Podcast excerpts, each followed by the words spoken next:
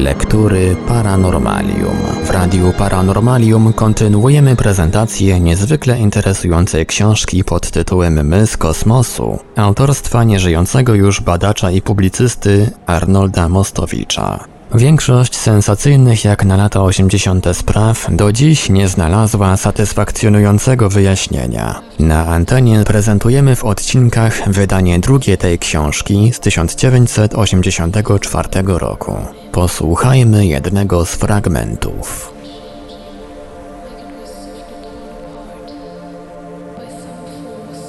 Również w legendach eskimoskich mowa jest o żelaznych ptakach, które niegdyś przewiozły żyjących w raju i w cieple praojców ludu eskimoskiego pod biegun. Ciekawe, że istnieją, tak podają Powles i Bergier, teorie wywodzące Eskimosów z Ceylonu. W przysłanym na konkurs AAS do Ćwikrynicy znakomitym referacie poświęconym starym chińskim mitom i legendom mówiącym o lotach do gwiazd pisze uczony radziecki dr Lisiewicz. Należałoby spojrzeć na stare mity i legendy jeszcze raz, ale tym razem oczyma człowieka ery kosmicznej i zorientować się, czy nie ma w tych mitach i legendach o lotach do gwiazd czegoś takiego, co nie współgrałoby wprawdzie z naszymi wyobrażeniami o prymitywnych cywilizacjach dawnych czasów, ale co odpowiadałoby naszemu współczesnemu rozwojowi wiedzy. Jest rzeczą oczywistą, że metoda ekstrapolacji współczesnych wyobrażeń na starożytność ma wartość raczej hipotetyczną. Niemniej nie powinniśmy rezygnować z najmniejszej szansy, by rozszerzyć nasze poznanie, nawet gdyby się to okazało mało prawdopodobne. Koniec cytatu. W referacie tym wspomniał profesor Lisiewicz i o księdze Enocha, i o aparatach powietrznych wymienianych w starych księgach hinduskich, i o Gilgameszu, bohaterze eposu sumeryjskiego. Ale referat poświęcony był przede wszystkim legendom starożytnych i wczesnośredniowiecznych Chin. Z okresu tego zachowało się bardzo mało pisanych dokumentów, i to też jedynie we fragmentach. Fragmenty te powiada Lisiewicz, rysują nam obraz rządów synów nieba, którzy w trzecim tysiącleciu przed naszą erą, a może nawet i jeszcze wcześniej, sprawowali władzę nad wschodnią Azją. Na podstawie powstałej w III wieku naszej ery kroniki pokoleń władców i królów, spisanej rzecz jasna ze znacznie starszych kronik i dokumentów, oraz na podstawie fragmentów mitologii tybetańskiej zebrał Lisiewicz relacje dotyczące pojawienia się na Ziemi owych synów nieba. Warto tu zacytować fragment owego tekstu tybetańskiego spisanego w formie wiersza. Jajo powstałe dzięki magicznej sile bogów Sahibal wyszło siłą swego ciężaru ze świętego łona pustego nieba. Jego skorupa była pancerzem ochronnym. Jego błona broniła go jak puklerz. Białko było źródłem siły dla bohaterów, wewnętrzna zaś błona stała się cytadelą dla tych, którzy w niej żyli. I z samego środka jaja wyszedł człowiek, władający magiczną siłą. Oto w jaki sposób pojawił się na ziemi przyjaciel dobroci, jak go określa mit tybetański. I jeszcze jedna uwaga Lisiewicza. Te stare relacje o dawnych latających obiektach, które schodzą z niebios na ziemię, mogą być tłumaczone na różne sposoby. Można je tłumaczyć jako płody artystycznej wyobraźni, albo też jako systemy symboli oznaczające wcale do nich niepodobne fakty. Niemniej jednak uporczywe pojawianie się takich relacji w różnych epokach, aż do naszych czasów, dowodzi, że popełniliśmy błąd, kierując się wyłącznie takimi wyjaśnieniami. Koniec cytatu. Warto chyba streścić dokonaną przez uczonego radzieckiego analizę tych mitów. Każdy z synów nieba, począwszy od pierwszego, który nie miał poprzedników, jawił się ziemianom wraz z łoskotem gromów. Otóż gromy te, w dostępnych nam dokumentach i kronikach, czasem wspomina się o tych gromach jako o gromowych substancjach, zostały dość szczegółowo opisane. Oczywiście relacje z czasów, o których bezpośrednio jest mowa w legendach, do nas nie dotarły, ale okazuje się, że żyjący w pierwszym wieku naszej ery niejaki Wang Chung opisał różne obrazy, które istniały za jego życia i ta relacja przetrwała do naszych czasów. Obrazy te zadziwiają samego autora swoim nieprawdopodobieństwem. Oto co pisze Wang Chung. Grom przedstawiony tam jest jako coś w rodzaju piętrzących się, połączonych ze sobą bębnów. Jak można, zapytuje ów filozof z pierwszego wieku, który zwykł był widocznie wszystko sprawdzać swoim rozumem, dźwięk i eter przedstawić w formie połączonych bębnów. Koniec cytatu. O jakie bębny tu chodzi? Zapytuje Lisiewicz. Czy stare chińskie bębny, których rysunek znaleźć można w hieroglifach lub na starej ceramice? Mało to prawdopodobne. Takie bębny mają kształt wydłużony i wyglądają jak cygara. Natomiast na znacznie starszej ceramice z pierwszego tysiąclecia przed naszą erą widnieją inne bębny, przedstawione w formie schematycznej w postaci krzyżujących się ukośnie linii zakończonych kołami, na których dwie średnice przecinają się z kolei prostopadle do siebie, jak to widać na ilustracji. Po szczegółowej analizie wspomnianych rysunków profesor Lisiewicz konkluduje, że te schematycznie narysowane bębny w żaden sposób nie mogą przedstawiać autentycznych muzycznych instrumentów, nie mówiąc już o tym, że podobne połączenie musiałoby zupełnie zmienić ich dźwięk i że chodzi tu o coś zupełnie innego, o schematyczny rysunek nie tyle instrumentu, ile aparatu. A aparat taki znamy dzisiaj dobrze. Oparty on jest na dokładnie takiej samej zasadzie, tyle że nie ma w nim czterech bębnów, tylko trzy. Jest to dyskoplan. Aparat, który ma według planu konstruktorów osiąść miękko na planecie Wenus, by ją zbadać. Powiada profesor Lisiewicz, że takie tłumaczenie może się wydać całkowicie dowolne, ale przypomina on także kasus inżyniera Blumrysia, który na podstawie jakże ogólnego i symbolicznego opisu przedstawionego w wizji Ezechiela skonstruował autentyczny pojazd kosmiczny. Na rysunku Blumrysia widać nie trzy, lecz cztery bębny, połączone między sobą środkową częścią. Nawet owe prostopadłe linie, jakie krzyżują się na schematycznych kołach przedstawionych na starym hieroglifie, widoczne są na schemacie Blumrysia.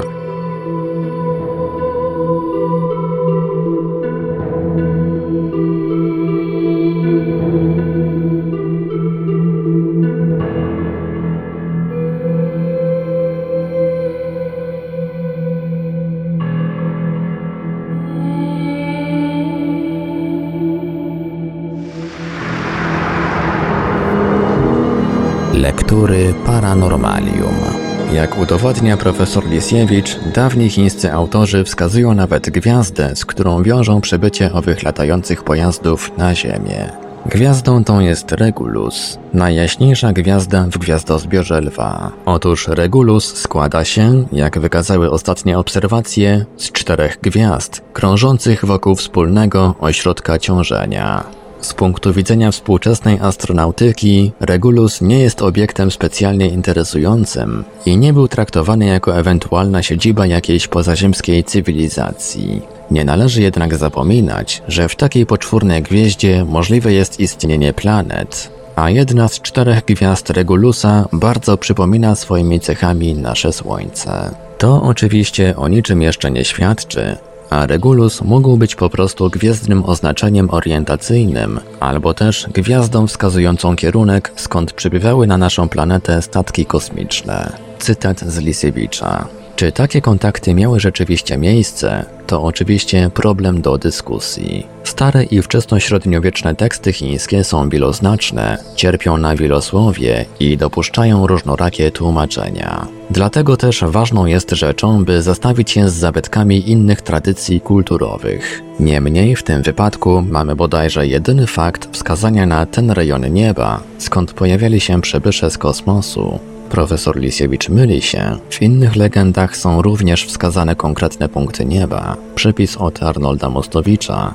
I już to samo powoduje, że źródła te i materiały są tak ciekawe. Sądzę, że jest to punkt wyjścia do dalszych poszukiwań. Czy one coś dadzą, wykaże przyszłość. Koniec cytatu z Lisiewicza.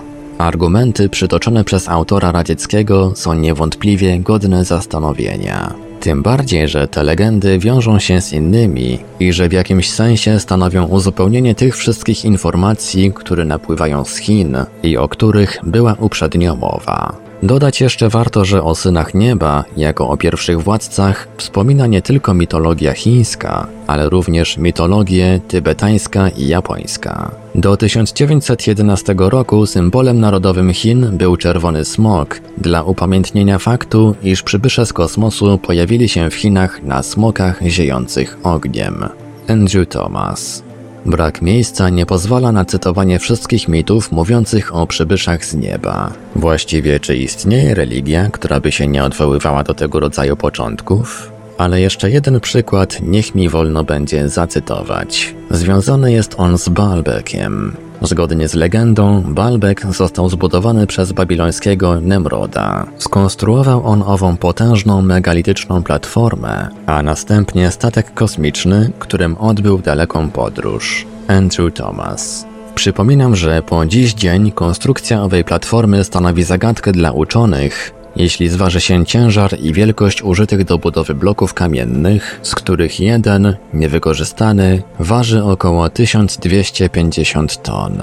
Owa powszechność pewnych wspomnianych przeze mnie wątków mitycznych, których przykłady można mnożyć a mnożyć, wskazywałaby na ich wspólne pochodzenie, jeżeli w każdym takim wypadku, na chwilę przynajmniej, zrezygnujemy z przekonania, że są one wszystkie wynikiem identycznego w różnych rejonach świata i w różnych okresach uprzedmiotowienia stanów uczuciowych czy kompleksów charakteryzujących społeczeństwa prymitywne. Oprócz mitu, którego treścią są giganci, albo mitu o potopie, czy opowieści o bitwach powietrznych między bluzgającymi ogniem maszynami latającymi, które pojawiają się w najróżniejszych mitologiach czy sagach. Wszystkie te mity Tybetu, Mezopotamii, Japonii, Polinezji, Peru, Wenezueli mówią o tym, że człowiek pochodzi od istot przybyłych z nieba. Japoński mit mówi wręcz o przybyszu z kosmosu imieniem Kappa, który pojawił się na płaskim, okrągłym statku, mogącym lądować zarówno na ziemi, jak i na wodzie. Oczywiście żadnych konkretnych wniosków z tych wszystkich zbieżności wyciągnąć nie można, poza tym, że owe zbieżności powinny być znacznie dokładniej analizowane i badane. Nie wolno udawać, że ich nie ma, albo że nic nie znaczą. Ale bywają zbieżności wprost frapujące. Na przykład Majowie przekazywali sobie z pokolenia na pokolenie mit o zapłodnionej dziewicy. Mit opowiada o tym, jak owa dziewica podeszła do drzewa, na którym wisiało siedem czaszek ludzkich i do którego nie wolno jej się było zbliżać. Jedna z czaszek spadła dziewczynie na głowę. Wróciła do domu i została matką. Tak się spełnił mit ptaka Wak. Ptaka tego Majowie nazywali także Wak-Wak. Oto okazuje się, że na jednej z wysp Oceanu Indyjskiego przy brzegach Afryki ludność przekazuje sobie identyczny w szczegółach mit, który tu nosi nazwę legendy o ptaku Wak-Wak. Podobna legenda znana jest również w Brazylii. Jak więc widzimy, różnego rodzaju mity są do siebie podobne, nie tylko swoją zawartością. U Indian koniec świata nosi nazwę Ragnarok. To samo słowo, Ragnarök, istnieje w mitologii starogermańskiej, Ome. Czasami zastanawia się człowiek, czy teoria Powelsa i Bergiera, że kiedyś przed setkami wieków panował na świecie jeden wspólny język, to chyba też nawiązanie do relacji biblijnej nie zawiera jakiegoś jądra prawdy. Oto jeszcze jeden przykład z tej dziedziny. U Indian południowoamerykańskich słowo tepe oznacza tumulus albo piramidę schodkową, miejsce obrzędów związanych z inicjacją. Marcel Ome w cytowanej już przeze mnie książce Pępek świata, kolebka ludzkości z 1976 roku. Podaje, że pierwiastek tepe spotyka się w nazwach geograficznych na całym świecie. Koktepe istnieje w Turkestanie, Koktepe zarówno u Hetytów, jak i w Meksyku, Tepekan w Iraku, Tepelena w Albanii, Birtepe w Czarnogórze, Kazistepe w Turcji, Szanantepe w Trapezuncie, nad Morzem Czarnym i tak dalej, i tak dalej. Samo słowo tepe posiada pierwiastek tep, oznaczający górę wulkaniczną, ciepło, ogień, słońce. W książce The Egyptian Language jej autor Weisbach stwierdza, że w dawnym Egipcie Tep oznaczał głowę, najwyższy szczyt. Jeszcze zastanowić się warto, w jakim stopniu ów pierwiastek TP wiąże się z innym Teo. Zwariować można.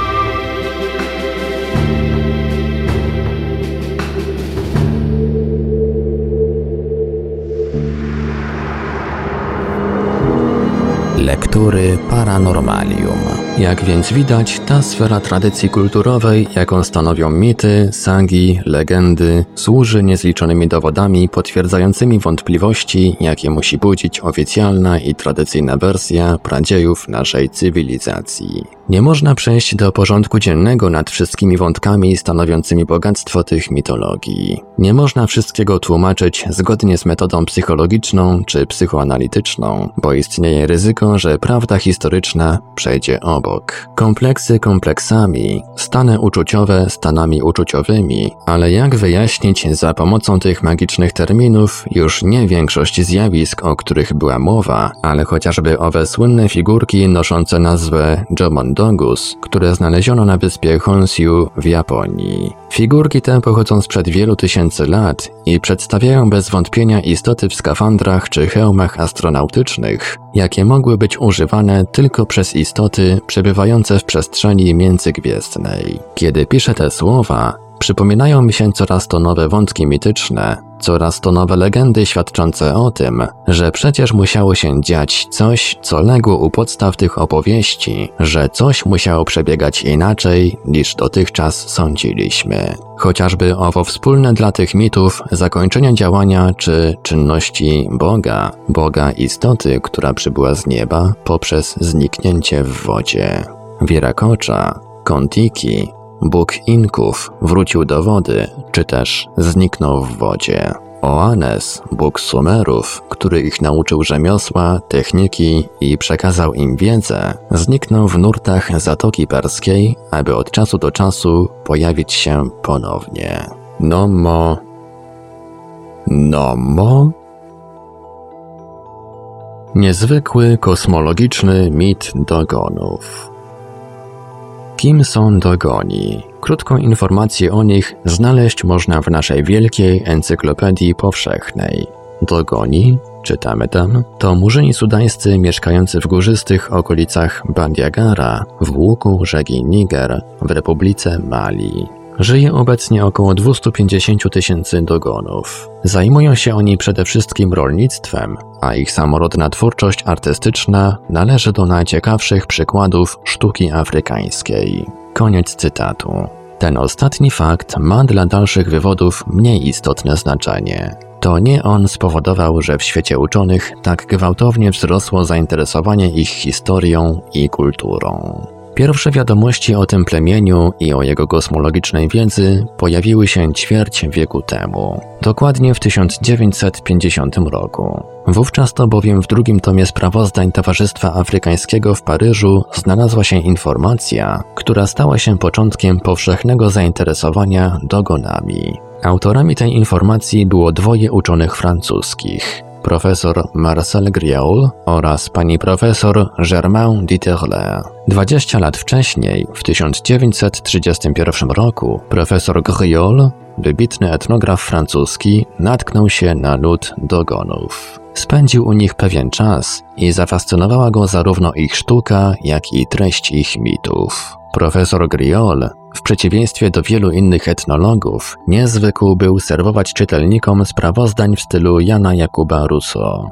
Wstrzymał się od jakiegokolwiek uogólnienia i postanowił przystąpić do długotrwałej i niezwykle żmudnej pracy badawczej. Począwszy od 1931 roku, Griol organizował nieprzerwanie, z wyjątkiem okresu wojennego, wyprawy naukowe, misje etnograficzne, z których każda pozostawała z dogonami przez szereg miesięcy. W skład tych misji wchodzili liczni i wykształceni badacze. Znalazła się tam również i Germaine Dieterle, która po śmierci Griola w 1956 roku objęła kierownictwo ekspedycji i prowadzi badania po dziś dzień. Pierwsze relacje. Podkreślam raz jeszcze długotrwały charakter tych badań, Czyni to z nich bowiem wydarzenie jedyne w swoim rodzaju, ale nie tylko długotrwałość tej pracy dowodzi, jak bardzo są one istotne. Po śmierci bowiem profesora Griola okazało się, że uczonemu temu, jako jedynemu, dane było wniknąć w głąb olbrzymiego i bogatego kompleksu mitów jakiegoś ludu prymitywnego, kompleksu stanowiącego zamknięty system wiedzy o świecie. W 1956 roku, kiedy profesor Griol zmarł, ludność dogońska oddała mu niezwykły hołd podczas specjalnej i solennej ceremonii. Okazało się, że były to uroczystości, jakimi dogoni czczą jedynie jednostki wtajemniczone. Podobno wtajemniczenie stało się tam po raz pierwszy udziałem białego człowieka. Ani profesor Griol, ani profesor Dieterlin nie zdawali sobie sprawy z tego, że prowadząc badania dogonów, staną się sami obiektem doświadczenia. Na fakt ten zwrócili uwagę we wstępie do wydania w 1950 roku relacji której tytuł brzmiał Sudański system Syriusza. We wstępie tym autorzy podkreślili, że relacja ich obejmuje jedynie pierwszy etap wtajemniczenia, do którego zostali dopuszczeni. W 1965 roku pojawiła się następna relacja, już po śmierci Marcela Griol, ale podpisana przez obydwoje uczonych. Tytuł tej drugiej relacji brzmi Blady Lis. Wydana została przez Instytut Etnologii i Muzeum Człowieka w Paryżu. Warto zacytować tu fragment wstępu do tej pracy pióra Germain Dieterle. Cytat. Począwszy od 1932 roku, dogoni odpowiadali na zadawane im pytania oraz komentowali nasze obserwacje, kierując się zasadą takiej interpretacji faktów, którą określali jako rozmowa twarzą w twarz. Chodziło tu o informacje, które pragnącym się czegokolwiek dowiedzieć przekazywali w pierwszej fazie rozmów ale widząc upór, jaki okazywała ekipa Marcela Griol, jak też stając wobec konieczności odpowiadania na coraz większą ilość pytań i zdając sobie sprawę z tego, że coraz większą trudność będą im sprawiały odpowiedzi unikające wkroczenia w głąb mitu, dogoni podjęli decyzję niezwykle ważną. Ważną zarówno dla siebie, jak i dla nas. Podjęli ją także i dlatego, że stosunki nasze z nimi nie ograniczały się do suchych kontaktów, ale były przepojone naprawdę serdeczną przyjaźnią. O tej decyzji dowiedzieliśmy się o wiele później. Otóż patriarchowie rodów oraz główni kapłani dogonów zebrali się i postanowili dopuścić Marcela Griol do wtajemniczenia. Każdego dnia po wielogodzinnym seansie poświęconym instruktażowi albo właściwie przekazywaniu wiedzy, ten, który to zadanie wziął na swoje barki, przychodził na zebranie rady i zdawał dokładne sprawozdanie z postępu tego wtajemniczenia. Koniec cytatu. Krótko mówiąc, dokładnie po 33 dniach, to jest po tylu ile zaplanowała Rada, przekazane zostało uczonemu francuskiemu jasne słowo, albo inaczej dobre słowo, czwarte słowo. Stanowi ono ostatni etap wtajemniczenia, który sami dogoni osiągają po wielu latach cierpliwej nauki. Profesor Dieter podkreśla, że działając w ten sposób, dogoni w pełni zdawali sobie sprawę z tego, iż narzucają sobie sami trudny obowiązek w postaci już nie 33 dni, ale wielu, wielu miesięcy i lat intensywnego wyjaśniania i interpretowania przekazanej wiedzy. Trzeba jeszcze dodać, że to, co znalazło się w drugiej ze wspomnianych publikacji, tej z roku 1965 bynajmniej nie stanowi całości wiedzy, do której dogoni dopuścili badaczy francuskich. Całość bowiem to nie tylko treść przekazywanych mitów, ale także obszerny system znaków graficznych, których jest tysiące i które trzeba dokładnie poznać, by w pełni objąć zakres wtajemniczenia. Ale nawet niezależnie od tego, Biały Lis nie zawiera całości mitu dogonów. Rozmowy i wyjaśnienia stale są kontynuowane. 45 rok.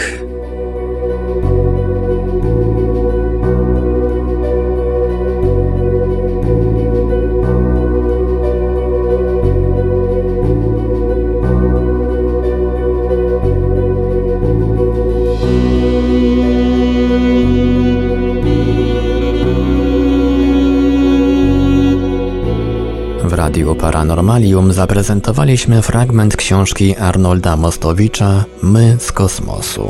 Dalszy ciąg w kolejnym odcinku Lektur Paranormalium.